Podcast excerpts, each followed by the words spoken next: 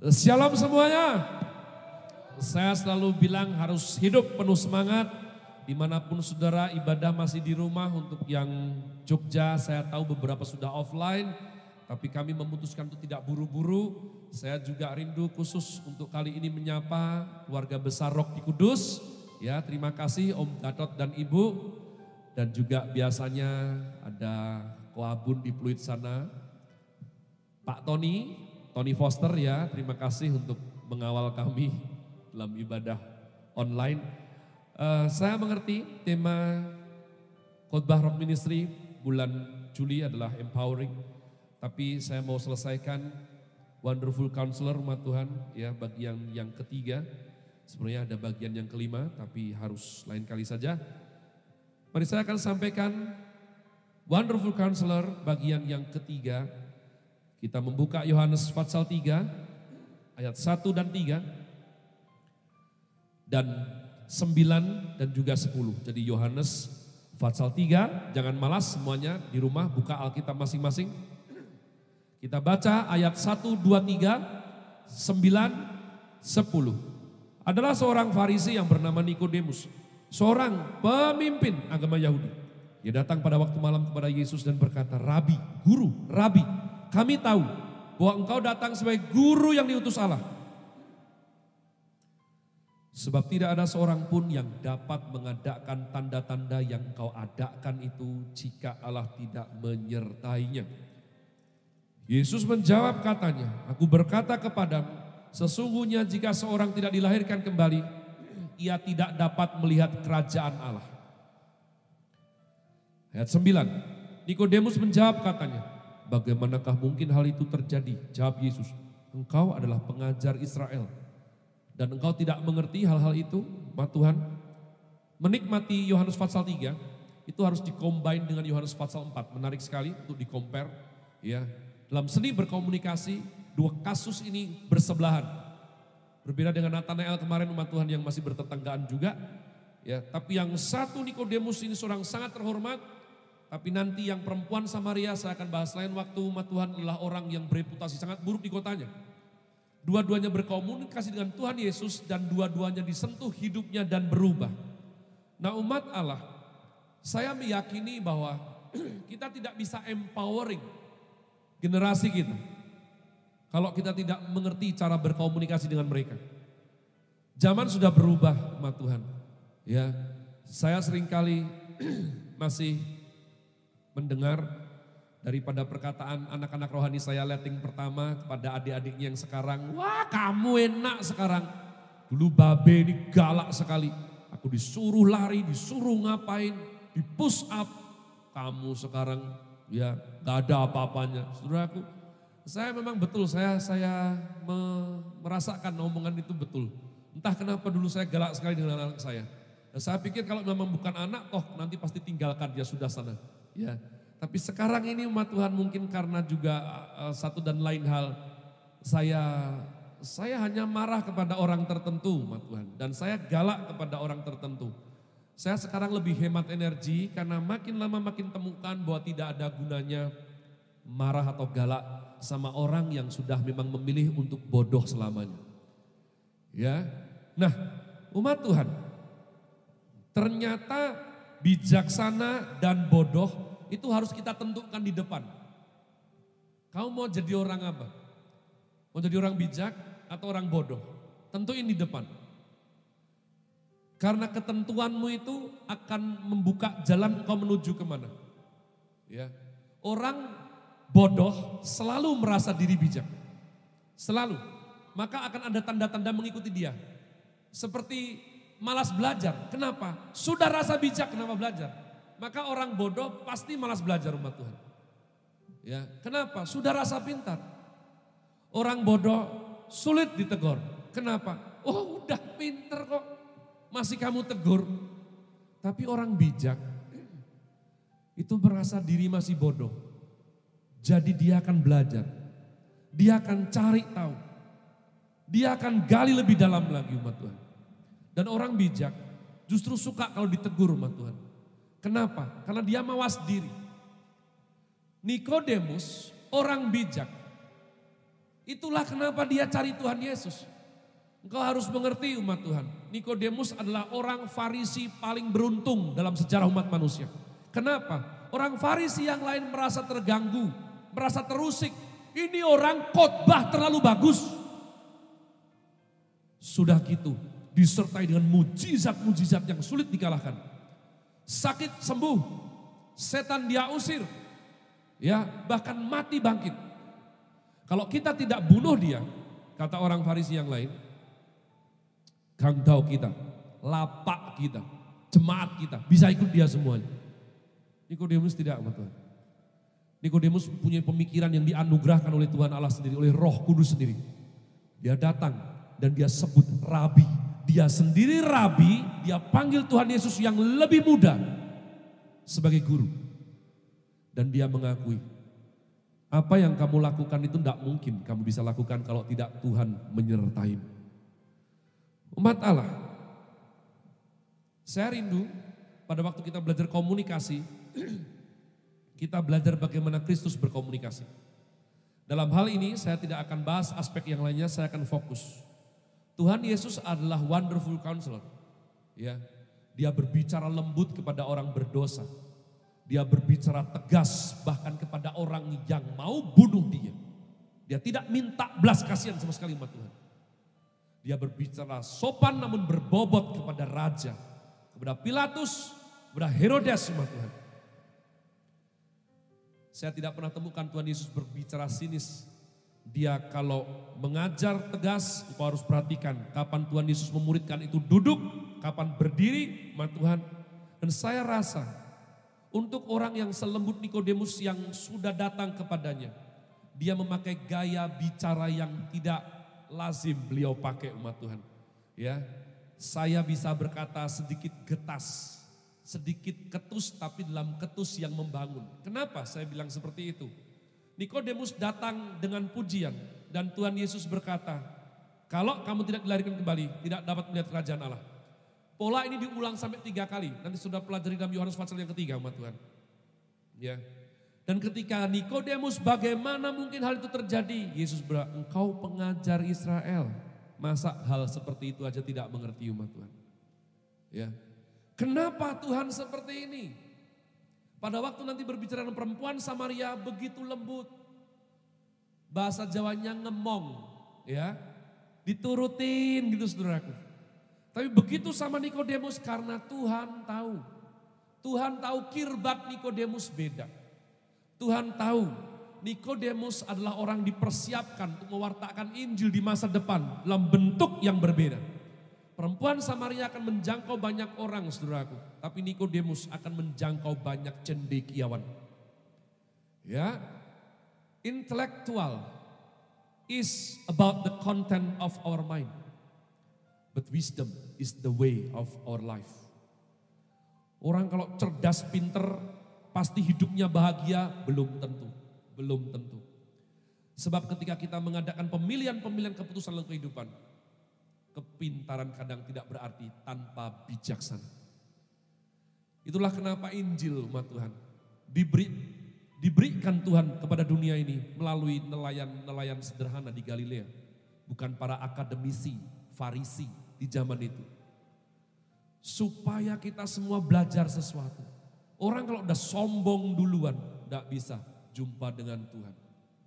Ya, maka saudaraku, dalam legenda filsuf Tiongkok ada suatu kisah yang sangat favorit buat saya mengenai Confucius itu mencari Lause, Tuhan. Ya, sebab Lause ini dianggap yang paling tinggi dari semua filsuf timur sebab dia mempunyai firman. Firman di sini tentu bukan firman Allah, namun respon manusia terhadap wahyu khususnya Tuhan. Di mana nanti disebut Tao dan dibukukan dalam buku Tao Te Ching umat Tuhan. Dan ini saya pernah baca, gila, ini otak kayak apa nulis kayak gini umat Tuhan. Hebat sekali, membanggakan umat Tuhan. ya, sementara otak manusia lainnya isinya ngalor gidur, ini betul-betul tajam. Tapi tentu saja levelnya di bawah firman Tuhan. Firman Tuhan lebih ajaib. Setengah tahun Konfusius harus menempuh suatu perjalanan untuk mencari Lause. Dia tidak pakai pelayan-pelayan atau murid-muridnya, dia cari sendiri. Ya, kebenaran harus cari sendiri umat Tuhan. Bisa berangkat bareng-bareng belum tentukan, temukan bareng-bareng. Makanya dengar firman yang sama, respon bisa berbeda-beda. Tergantung hati masing, kirbat masing-masing. Begitu dia ketemu dengan Lause pada akhirnya singkat cerita. Karena dia mau belajar sesuatu yang dia belum tahu, yakni tahu atau firman tadi. Ya. Lause menyambut dia dengan berkata, singkirkan kesombonganmu dan buang niatmu yang buruk. Kalau tidak, kamu tidak akan bisa belajar firman katanya. Ini akan lebih bagus lagi kalau mungkin Ferry berbicara dalam bahasa Mandarin ya. Sayang sekali saya belum belajar saudaraku ya. Jadi itu translate-nya terjemahannya seperti itu Tuhan. Datang dari jauh, sudah rendah hati, diomongi seperti itu, lalu ditinggal pergi umat Tuhan. Tapi yang hebat adalah respon Konfusius. Dia tidak marah, dia pulang, murid-muridnya semua sudah tunggu dia. Guru, guru, bagaimana? Sudah ketemu belum? Sudah. Terus, terus bagaimana? Konfusius menjawab muridnya seperti ini. Bagaimana ikan berenang di air aku tahu. Bagaimana burung terbang di langit aku belajar. Hari itu aku berjumpa dengan naga. Naga adalah pujian level paling tinggi umat Tuhan di Cina. Ya, itu dianggap hewan keramat, dianggap dewa umat Tuhan. Jadi dia tidak sakit hati. Umat Allah, jika engkau membaca Amsal 9, ayat 8 dan 9, kau akan temukan.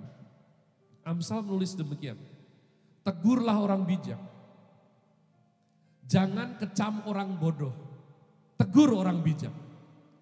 Wuh, kok aneh ya? Kan biasanya kalau orang kita ini yang bodoh yang kita tegur kan, ini enggak umat Tuhan. Kalau tegur orang bijak saja. Karena kalau orang bodoh kamu tegur, dia akan membencimu katanya. Tapi kalau orang bijak kamu tegur, dia akan sayang sama kamu. Gila enggak sih umat Tuhan? Ya, saya butuh waktu lama untuk paham firman ini. Apakah kita semuanya sudah bijak, sudah pinter, sudah enggak perlu enggak? Kita semua bodoh umat Tuhan. Tapi bodoh ada dua ada bodoh yang otentik, bodoh yang tidak terubahkan, bodoh yang betul-betul tidak mau berubah. Solid seperti emas gitu 24 karat. Tapi ada orang bodoh seperti para nelayan dari Galilea yang sederhana, tapi punya tekad untuk bertumbuh bijaksana. Itu yang diincar oleh Kristus Yesus. Makanya sebagai wonderful counselor, ya, orang tua belajar jadi wonderful counselor, para pemurid, para gembala belajar sebagai wonderful counselor. Kamu harus masuk ke anak-anak rohanimu, jemaat nasihati, setiap orang tuh beda-beda. Tidak bisa disamaratakan stereotiping, nggak bisa umat Tuhan. Ya, jadi umat Allah, firman Tuhan berkata, tegur orang bijak, nasihati orang bijak. Kalau orang bodoh, saudaraku, jangan kamu tegur, dia akan membencimu. Maka saya katakan demikian, Tiga hal aja untuk implementasi kehidupan kita setelah dengar khotbah ini. Rendah hati adalah seni komunikasi tingkat dasar umat Tuhan. Kalau kita tidak rendah hati, habis, tidak punya masa depan. Ya. Jadi mari hari-hari ini kita rendah hati umat Tuhan. Saya diajar dengan sangat bagus oleh Bapak Wani saya, dia diarifin. Dia selalu ingatkan saya mengenai three magical words, ya. Tiga perkataan ajaib dalam hidup manusia terima kasih, minta maaf, I love you. Saudaraku saya pikir ini klise sekali, apa saya ketemu orang yang betul-betul tidak bisa minta maaf sama Tuhan. Dia pecinta singkong yang difermentasi. Saudara tahu bahasa Jawanya? Tape. Dia tidak pernah minta maaf tanpa tape. Maksud saya tanpa tapi umat Tuhan. Ya, ya sorry, tapi, nah, selalu tapi, selalu. Dan dia akan berkata, ya sudah kalau kamu memang minta aku minta maaf, ya aku minta maaf. Sudah, saya dulu pikir ya nggak ada. Ternyata spesies ini ada dan sayangnya jumlahnya lumayan banyak. Dan ada jenis-jenis spesies ini yang bangga. Aku seumur hidup mana pernah mau minta maaf. Gila. Gila, kalau kamu punya koleksi seperti ini dalam hidupmu ya, saya mendoakan supaya kamu dipenuhi kesabaran yang daripada Tuhan. Saya berdoa kira-kira ususmu panjangnya 18 jari, enggak cuma 12 ya. Jadi umat Tuhan, gak gampang. Terus terima kasih. Saya pikir ini klise sekali. Tapi sungguhan, ada orang-orang sulit terima kasih umat Tuhan. Sulit sekali. Ya. Saya belajar, saya belajar dan saya belajar. Para beberapa hater saya, oh, ya, orang keren harus punya hater, saudara. Walaupun orang jelek juga punya hater. Itu kalau ketemu saya selalu bilang saudaraku, wah gendut sekarang ya, kedagingannya meluap-luap. Ya, kalau dulu saya akan siapkan panah-panah beracun dan ya apa sekarang. Sekarang saya terima kasih, terima kasih, enak kok umat Tuhan. Ya terima kasih, sudah selesai gitu aja. Dan I love you. Ya, saya dulu sebagai seorang counselor yang diakui Jam terbang saya sudah 10 ribu jam lebih umat Tuhan. Saya juga sudah diberi kasih karunia Tuhan untuk mendidik banyak anak murid yang mengasihi Tuhan dan sukses. saya selalu bertanya seperti ini saat bertengkar dengan wanita tercinta yang saya nikahi dan tidak pernah saya sesali umat Tuhan. Ini kalau pas nyebelin gini nih tak omongin apa ya. Saya sudah ngomong semua. A to Z, Sabang sampai Merauke, gak mempan menjadikan dia teman berhantam lebih seru. Otaknya lebih tangkas menangkis semua nasihat saya, tapi akhlaknya belum berubah. Saya berpikir, Tuhan ingatkan ini, oh I love you. Jadi mungkin sekarang kalau dia nyaksikan ini mungkin senyum-senyum senyum Tuhan ya. Kok kadang suaminya sering-sering bilang I love you, itu karena saya memutuskan. Kalau saya jengkel, gemes, daripada marah-marah sama Tuhan, daripada bilang hal seperti kamu ini, saya akan bilang, I love you. Itu disiplin. Ya, Mungkin pada saat menyaksikan ini dia baru ngerti, oh kenapa kok dia nggak ada angin, nggak ada hujan itu. Kemarin ngomong I love you ya, ternyata baru gemes. Efektif sekali umat Tuhan. Iya. Daripada menyulut yang tidak perlu disulut umat Tuhan, I love you. Saya juga bicara sama anak saya yang kecil. Obaja anak yang sama saya sejak umur bayi merah, tiga tahun, empat tahun saya bilang, kalau kamu dikasih, diberi sesuatu sama seseorang dan kamu tidak suka daripada nggak habis, atau kamu lihat matanya kurang tulus, kamu bilang maaf. Tapi kalau kamu dikasih, kamu suka, terima bilang terima kasih, jangan lupa. Terus saya bilang sama Obaja, kalau yang ngasih itu perempuan dan cantik sekali, Obaja bilang apa? I love you. Saudaraku, saudaraku jangan tiru yang buruk, saudara cukup ambil yang bagus saja dari saya. Ya, saya memang orang unik sekali. Jadi rendah hati adalah seni komunikasi tingkat dasar Lalu kedua umat Tuhan mendengar untuk mengerti bukan untuk menjawab. Kita itu mendengar untuk mengerti kenapa konflik berkepanjangan. Kenapa salah paham itu tidak saudaraku langsung dibenahi. Kita kalau naik motor ke mana kalau tersesat saudaraku. Begitu tahu tersesat kan langsung cari yang benar gimana. Langsung U-turn balik. Balik cari jalan yang benar. Mana ada.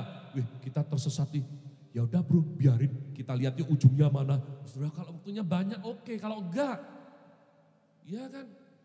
Jadi itu karena kita kebanyakan mendengar untuk menjawab. Sudah pernah enggak ketemu orang seperti itu? Kita ngomong, matanya dia tuh sudah kayak ya, begitu kita selesai, nah masuk gitu, letak. Saudaraku, saya sekarang melatih diri untuk enggak mau bicara sama orang kayak gitu. Itu butuh latihan. Karena saya sendiri juga dulu debokongers seperti itu. ya, saya sontoloyo macam seperti itu. Jadi orang tua bilang apa, saya tuh mendengar untuk jawab, dengar untuk jawab. Dan makanya saya ingat kalau pertikaian saya dengan istri saya selalu saudara. Istri orang lebih nurut kalau saya bilang ini. ya. Nah, kenapa? Karena dengar untuk jawab. Maka saya bilang, gak gampang juga jadi istri saya ya.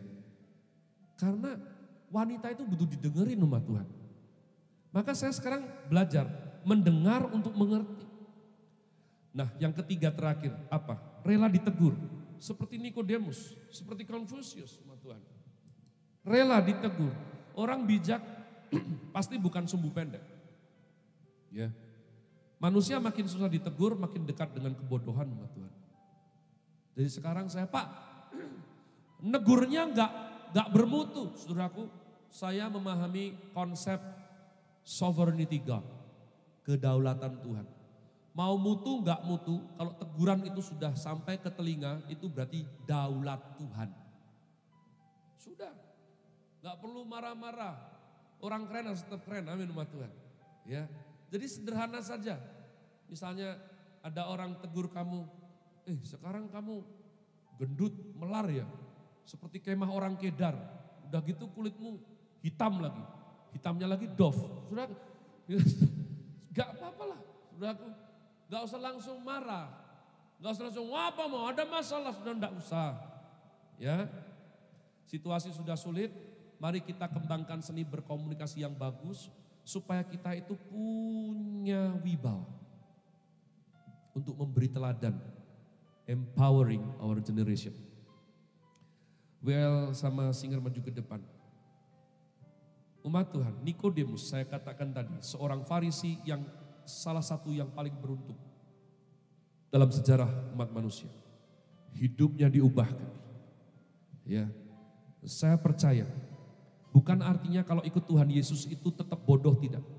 Memang Injil dipercayakan Tuhan bukan pada akademisi Farisi, bukan pada imam kepala saat itu yang justru bersekongkol menyalibkan Tuhan Yesus, bukan kepada ahli Taurat, bukan. Bukan. Tapi pada nelayan Galilea yang sederhana-sederhana, bahkan kasar seperti Petrus. Namun sudah lihat, sudah lihat. Semua yang disentuh oleh pemikiran Kristus. Ya. Sudah saya mohon, kau baca empat Injil fokus kepada Petrus. Lalu kau baca kitab yang ditulis Petrus. Dia berubah sekali umat Tuhan. Satu Petrus, dua Petrus, dia berubah sekali. Seorang Petrus bisa mengajarkan mengenai penderitaan. Seorang Petrus bisa mengajarkan mengenai kelemah lembutan umat Tuhan. Jadi semuanya, kalau engkau sayang Tuhan, kau pasti dengar suaranya. Kalau engkau true worshiper, kau sungguh menyembah dia. Kau connect sama Tuhan. Kau pasti berkomunikasi. Kau mengerti isi hatinya. Saat itu tidak mungkin tidak hidupmu pasti berubah umat.